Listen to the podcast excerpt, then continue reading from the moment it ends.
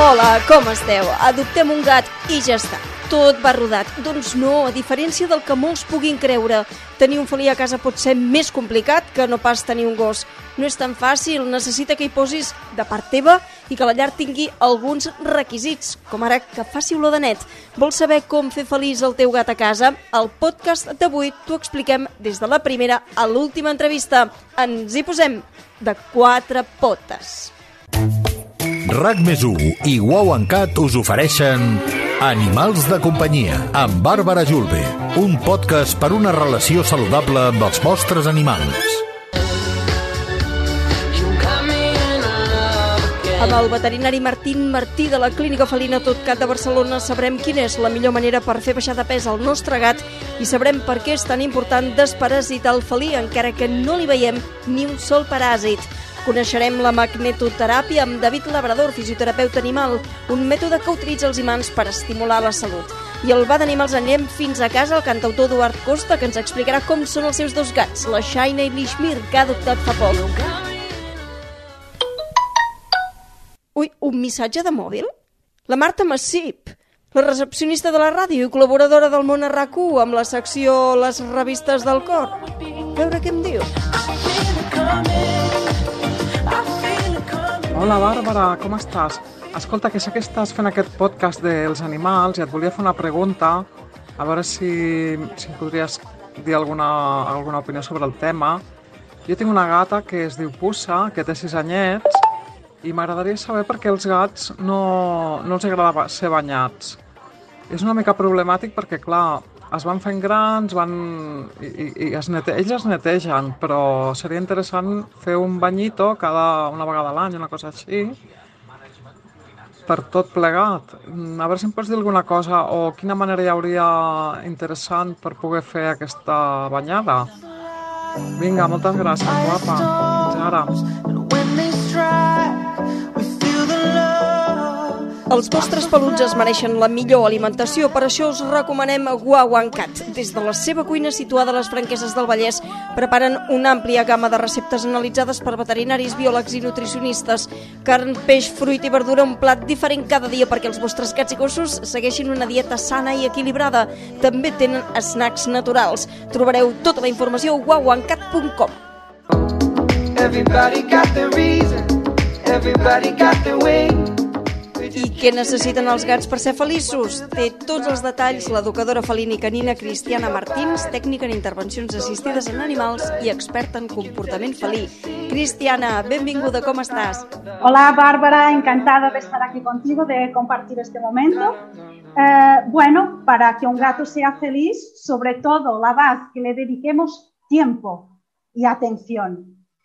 Con los perros tenemos muy claro lo que tenemos que hacer, eh, cubrirle las necesidades básicas, de sacarlos a la calle y hacerle paseos de calidad y, y, un montón de cosas, pero con los gatos muchas veces nos olvidamos de lo que necesitamos, de qué debemos hacer para cubrir sus necesidades básicas. I què és allò imprescindible no? que hem de tenir a casa, sí o sí, per afavorir doncs, el confort, el benestar... Yo diría que un buen enriquecimiento ambiental.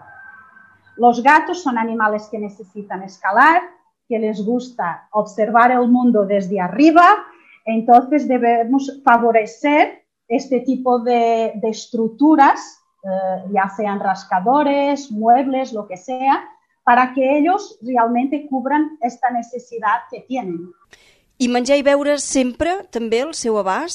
Bueno, la agua sí, eh, y de preferencia una fuente de agua para, para eh, incentivar a que beban la cantidad adecuada, porque los gatos en ese aspecto son muy delicados y hay gatos que no toman la cantidad de agua suficiente. Entonces, una fuente de agua que hace aquel ruidito de agua en movimiento, pues les incentiva a beber. La comida va a depender del individuo, porque claro, si es un gato obeso que come muchísimo y que tiene que hacer una dieta, pues no podemos tener comida eh, disponible todo el día. Pero en general, eh, los gatos pueden tener comida disponible, porque son animales que les gusta picotear, no comen una gran cantidad de, a la vez. Y hay gatos que si no tienen la comida siempre disponible, pues se estresan bastante. Y esto puede desarrollar otros problemas de conducta. I, Cristiana, la nostra casa mm, ha d'estar neta o, mira, si està una mica brut i desordenada no passa res? Bueno, los gatos se adaptan, pero si es una casa eh, limpia y con buena luz, pues eh, les ayudamos bastante. Los gatos les encanta eh, la luz natural, les encanta estar tumbados al sol eh, y, y, les encanta el, el, que el suelo esté limpio, que huela limpio, pero también hay que tener eh, um, cuidado con los detergentes que utilizamos, que no tengan amoníaco y una serie de cosas que, que debemos tener en cuenta. I per potenciar la seva tranquil·litat, um, què podem fer? Per exemple, donar-los uh, feromones? Això els pot anar bé? Las feromonas ayudan bastante, pero si tenemos un buen enriquecimiento ambiental y si le dedicamos tiempo, tiempo de calidad, tiempo de juego, eh, tiempo de mimos, pues mmm, ya estamos favoreciendo su tranquilidad. Y, espacios seguros para ellos. Esto es muy importante. Que el gato, por ejemplo, se está descansando, no tenemos que molestarlo. Debemos respetar sus momentos de descanso. Val, ara ja sabem més uh, com ho hem de fer per tenir un gat uh, feliç a casa, però i si en tenim dos? També igual? Sí, exactamente lo mismo. Incluso puede ser mejor, porque hay cosas que nosotros no podemos eh, cubrir, necesidades que no podemos cubrir. Por ejemplo, el juego entre felinos, nosotros humanos jamás podemos jugar de la misma manera. Y los dos gatos jugando entre ellos, pues pueden cubrir esa necesidad de juego más bruta, podría decir así, que, que nosotros no, no vamos a, a cubrir. Sí, tant, no hi ha dubte no, que entre animals de la mateixa espècie s'entenen molt, molt millor. Um, Cristiana, és més fàcil, tu creus, tenir un gos feliç a casa que no pas un gat? Eh, por increíble que parezca, pensamos que es, más, que es más fácil mantener un gato feliz porque no necesita tantas cosas, pero es al revés. El gato se estresa con más facilidad. Entonces, este enriquecimiento ambiental que hablo desde el inicio de esta entrevista es sumamente importante. El perro estamos acostumbrados a llevarlo con nosotros a la calle, a hacer paseos en la montaña, en el campo, a ir a la playa. Con un gato no hacemos esto. Entonces, la casa tiene que estar adaptada a ellos. I, Cristiana, recollint la pregunta de la Marta Massip, ¿Els gats s'han de bañar? Bueno, los gatos se están acostumbrados, si en edad temprana los hemos habituado al baño, pues no se estresarán. Incluso hay gatos que disfrutan con el baño y que les gusta el agua. Pero, en general, eh, en el periodo crítico de socialización, no habituamos los gatos al baño. Un perro sí, pero un gato no. Entonces les costará más en un futuro que los bañemos. Para eso tendremos um, el apoyo de un, profesional, uh, un groomer uh, profesional uh, que sea respetuoso con los animales o entonces podemos recoger um, un, un, shampoo de estos que, que es un baño en seco que ayudan a limpiar el pelo del gato pero sobre todo eh, si los cepillamos bien eh, y con alguna frecuencia, pues ya estamos limpiando el pelo del gato. Tenemos que tener en cuenta el tipo de pelo que tiene nuestro gato. Si tiene un pelo largo, corto, si tiene un subcapa, si no tiene subcapa. Entonces, un profesional del grooming podrá eh, aportarnos mucha información i, i assessorar-nos con el material eh, adequat. Doncs amb aquesta resposta a la pregunta que ens feia la Marta, acabem. Moltíssimes gràcies, Cristiana. Veiem que un gat feliç necessita també un responsable ben informat i tu ens has aportat ara mateix molts bons consells. Gràcies per estar aquí entre nosaltres. Gràcies a tu, Bàrbara.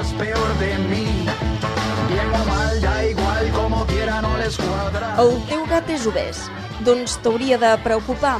Encara que estigui sempre dins de casa, l'has de desparasitar? Doncs sí, ho sabies. Parlem de la importància d'aquesta quotidianitat felina amb el veterinari Martín Martí de la Clínica Felina Tot Gat de Barcelona. Martín, què tal? Benvingut. Molt bé, moltes gràcies. Martín, l'obesitat afecta a molts gats? L'obesitat afecta, francament, a molts gats, entenent que quan ja és una enfermetat que augmenta, diguem, o que afecta més d'un 20% de la població, és una cosa ja important i és una cosa que s'ha d'actuar de manera proactiva. I quina és eh, no, la recomanació que ens faríeu per baixar de pes? Què hem de fer si tenim un gat obès? Sí, la recomanació és bàsicament anar al veterinari perquè faci una avaluació del percentatge de greix corporal que té en accés a aquest animal i a partir d'aquí, amb unes eines que proporcionen els laboratoris de pinsos, eh, poder establir una pauta el més adient i més exacta possible per una baixada de pes gradual, que és, això és molt important. No s'han de fer baixades de pes sobtades i de cop. Eh, els gats són molt sensibles amb aquesta, amb aquesta pràctica i s'ha de fer tot amb unes eines que proporcionen eh, seguretat a la baixada de pes, que és el que convé. Perquè quines problemàtiques pot donar un sobrepès eh, en un gat? El sobre, sobrepès, eh, així com en persones, per exemple, una de les problemàtiques és, és el tema locomotor, el múscul esquelètic, doncs, eh, mm, problemes de, de degradació d'articulacions. Amb els gats això és menys important, però són molt importants les enfermetats de tipus endocrí relacionades amb l'obesitat. Estem parlant de diabetes, de pancreatitis i de moltes eh, patologies associades a això. Val? És francament important i no hem de veure-ho com una cosa banal, com mira, el meu gatet està una miqueta grassonet. No, és donar-li importància i anar al veterinari perquè estableixi pautes. Martín, vaig llegir per alguna banda que perquè l'animal pugui fer exercici i moviment va bé la menta gatera. Tu recomanaries això? Per fer exercici en si per moure's, per, per mobilitzar-se, sí, perquè bueno, d'alguna manera els excita, no? Sí, hi ha un percentatge de gats que tenen aquesta, aquesta reacció com d'excitació i pot ser una, una manera d'incentivar si el teu gat és sensible a això, a fer-ho. Hi ha uns altres que no ho fan, eh? no és amb tots. Però és recomanable tant això com eh, posar jocs eh, que, que vagin per casa rodant, doncs boletes que facin sorollets, ratolinets que facin sorollets, i totes aquestes coses, arbres per pujar també, i clar, perquè nosaltres no comptem amb l'avantatge que tenen amb els gossos que poden sortir la, al carrer cinc vegades i amb els gats hem de donar-los, diguem, un estímul ambiental molt gran a dintre de casa. Mm -hmm. Hi ha un altre tema que també en, ens preocupa i molt, que és el fet de desparasitar eh, els gats. El que passa que la pregunta és, si no veiem que tingui paràsits, també ho hem de fer? Sí, sí, també. Eh, de fet, hi ha estudis que demostren que hi ha molts gats asimptomàtics amb parasitosi i els paràsits normalment els portem nosaltres. A no ser que a casa entréssim en forma de burbuja, no eh, estarem entrant constantment quistes de paràsits que haguem agafat nosaltres amb les sabates a l'entrar a casa. Llavors, és prudent fer-ho, sí, amb la intensitat que amb els gossos, potser no, amb una intensitat menor, però entre dues o tres vegades a l'any és lo recomanable. I en forma d'antiparasitari intern, en, en forma de comprimits o en forma de pipetes, que també s'han fabricat eh, en forma de pipetes bastant complerts per la dificultat, diguem, de tractament dels gats, que són una miqueta més difícils de tractar que els gossos. Sí, sí. Però és molt recomanable perquè hem de conviure amb ells i hem de tenir-los sants, no únicament per la convivència amb ells, sinó per la seva immunitat, per la seva salut, perquè estiguin bé per afrontar possibles enfermetats més endavant. I habitualment també en aquestes cases no? I, i hi ha nens, per tant sí. també és una, una afegit. És una via de contagi, de fet, els nens agafen moltes vegades eh, paràsits, no únicament al parc, quan es fiquen les mans a la boca, que allà hi ha molts restes de, de quistes parasitaris, sinó que convivint a casa d'un gatet doncs, perquè de manera fortuïta han anat al sorral i han tocat la sorra simplement i s'han portat les mans a la, a la boca. Els costums higiènics dels nens, fins que no tenen, diguem, una miqueta més de consciència, ho faran per joc, perquè veuen sorra i estan acostumats a tocar la sorra. I fins que els nens doncs, deixen de fer aquest comportament, eh, és altament recomanable, sobretot amb eh, nens petitets. Martín, ja sigui per desparasitar o per si tenim dubtes davant de l'obesitat, el millor sempre és portar el felí al veterinari, eh? Sempre. Sí, els felins xerren molt poc. Els, els gossos xerren entre cometes, vull dir, és que ens donen una miqueta més idea del que estan patint, però els gats la veritat és que és un animal una miqueta difícil d'interpretar pels, inclús pels propietaris i una ullada eh, anual és una, és una bona praxis per tenir diguem, el teu animal en condicions. Els veterinaris estem preparats per veure coses que els propietaris no esteu preparats i això és sempre, sempre recomanable. Doncs Martí Martín, veterinari de la Clínica Felina Totcat de Barcelona, gràcies per acompanyar-nos en aquesta entrevista i destacar-nos la importància de la tinença responsable en els felins. Estem molt contents d'haver-te tingut avui aquí en el podcast, precisament vosaltres, no, que sou una clínica pionera. Nosaltres sí, ens dediquem des de fa molts anys, gairebé 30 anys amb, amb la clínica felina, vam ser els primers amb, amb l'estat espanyol en dedicar-nos a la medicina felina, estem encantats d'això. I gràcies a vosaltres per comptar amb nosaltres per fer aquest podcast.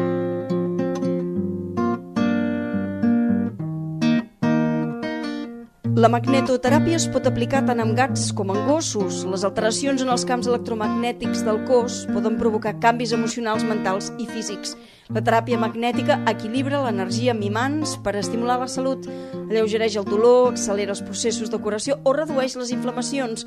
Són només alguns dels seus beneficis. En parlem amb David Labrador, fisioterapeuta animal i un dels fundadors de Taonga Animal Resort. David, què tal? Benvingut.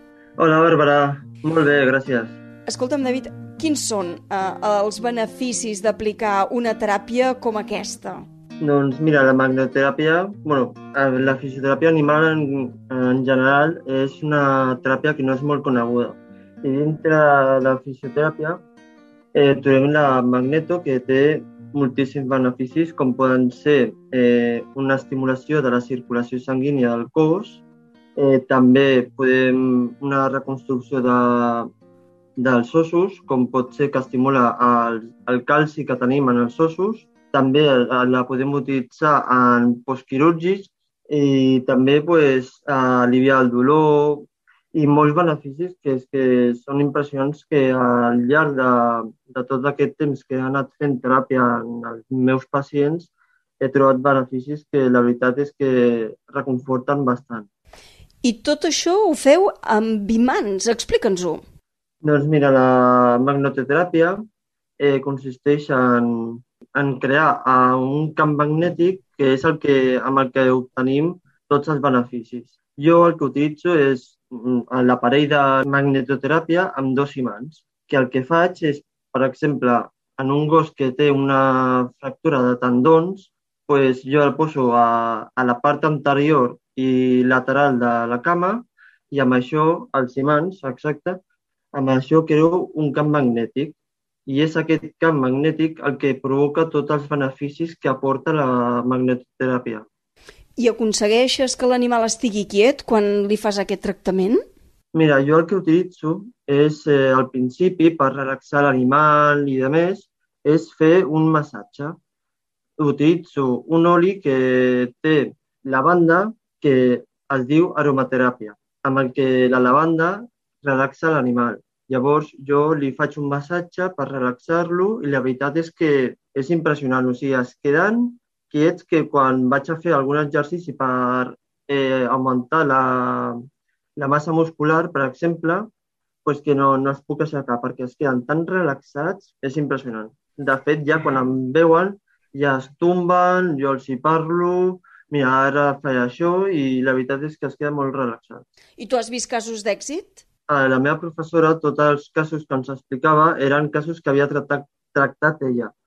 I hi havia un cas que em va sorprendre bastant, que va fer un vídeo de a l'abans i al després, i és que era, per exemple, un gat que no es podia moure, que estava com tetraplègic, tenia una parèsia, i al cap de 5-6 sessions el gat ja començava a caminar i de més. Sí, amb això vull dir que els beneficis que aporta la magnetoteràpia van de des d'artrosis, displàcies de cadera, com el fet d'estimular de, que un animal urini per, per si sol i no cal que posi sonda ni res. Sí, són, és molt versàtil aquesta teràpia. Molt bé, doncs moltíssimes gràcies, David, per explicar-nos més coses sobre la magnetoteràpia. Moltes gràcies.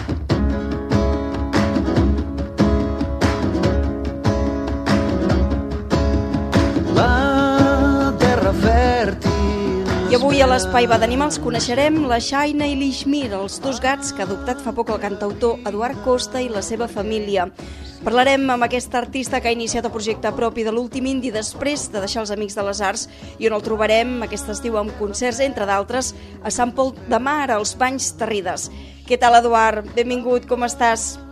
Hola, Bàrbara, un plaer ser aquí i que doneu espai a parlar d'una cosa tan, tan important com els animals de companyia tu tens dos gats, ara mateix per on paren, per exemple. Exacte, ara els tinc a dalt i, i a aquesta hora, a la que apreta la calor, es queden com els tigres estirats allà i adormits i deixen que passi i, i òbviament a la nit és quan s'activen i és quan hi ha les corredisses, no? quan hi ha uh, amunt i avall aquella hora, aquella hora màgica. Que es desperten. Escolta'm, heu passat de tenir-ne cap a dos. Eh, com és sí, això? Sí, això va anar així. Això va ser que el, el, en Pablo, que és el, el meu fill petit, anava fent campanya de que volia un gat, que volia un gat, que volia un gat.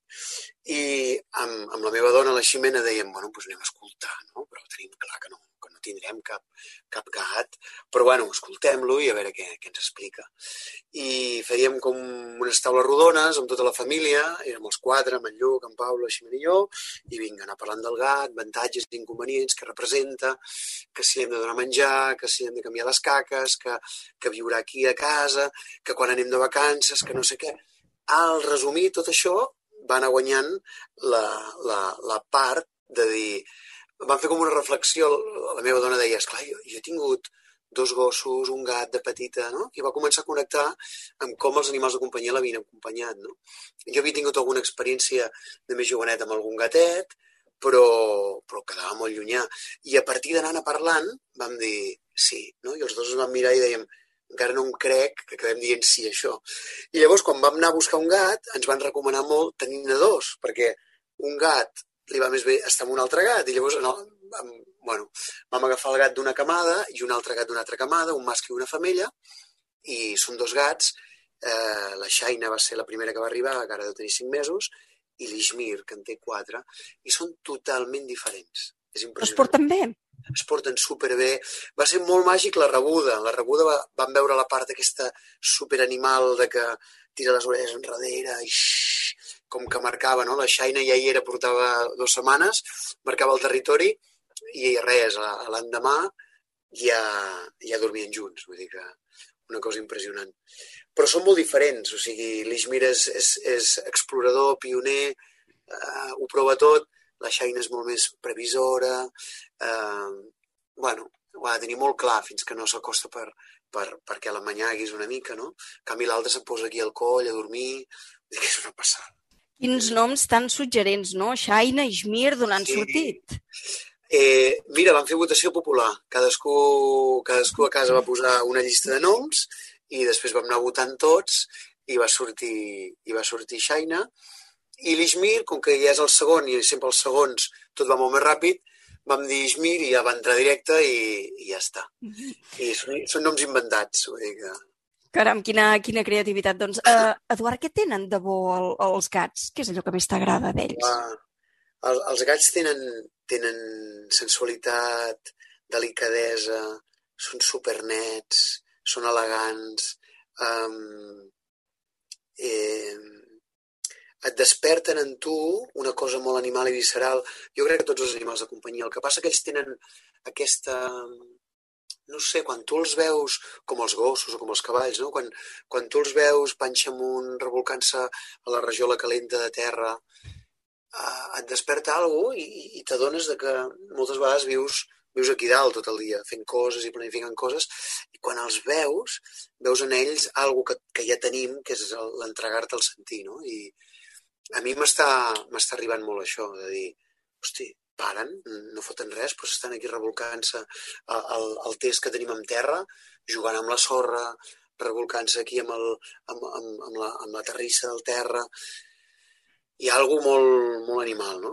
Mm -hmm. I, I és molt, molt agraït recordar això, no? perquè vivim tot el rato aquí dalt, amb les trucades, i ara vaig això, tot el dia fent coses, i, i és com que ens desconnectem una mica del cos i de què sentim i de com estem, i, i allà veus els gats i, i t'hi torna a portar, no? I som, el mateix. Sí, ens ensenyen molt i molt el, els animals. Escolta'm, Eduard, quin llibre o pel·lícula d'animals ens recomanaries? Un llibre, una pel·lícula que t'hagi agradat? Uh, I per sí, què?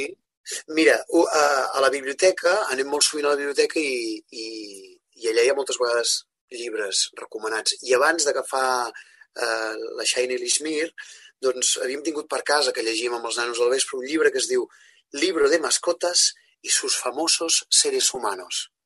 És un llibre d'una noia que es diu Anna Gallo i Catherine Quinn i, i és un llibre eh, on parla et parla d'un inventor famós o d'un personatge famós i el vincle que tenia amb un animal de companyia, no? I, i va des de Freud fins a Picasso, no? I, i t'explica la història de, de com aquesta gent tenia una relació molt propera amb aquests animals de companyia que no han passat a la història i que ningú els coneix, però que segur que també hi eren en els seus processos creatius i en els seus processos de descoberta.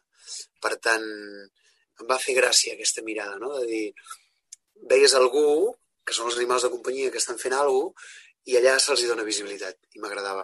I és molt amè, perquè és dos pàgines per, per personatge, t'explica com coneixen l'animal i quin vincle tenen amb l'animal. Doncs moltíssimes gràcies, Eduard, per acompanyar-nos avui en aquest capítol del podcast i gràcies per explicar-nos el vincle que teniu amb la Xaina i l'Ishmir, els vostres dos gats. Molt bé, un plaer, Bàrbara, i fins una altra. Salut! Temps, atenció i una casa neta i lluminosa són algunes de les coses que hem de procurar. No escatimis en això si vols veure el teu gat rebossar de felicitat. El proper capítol, més.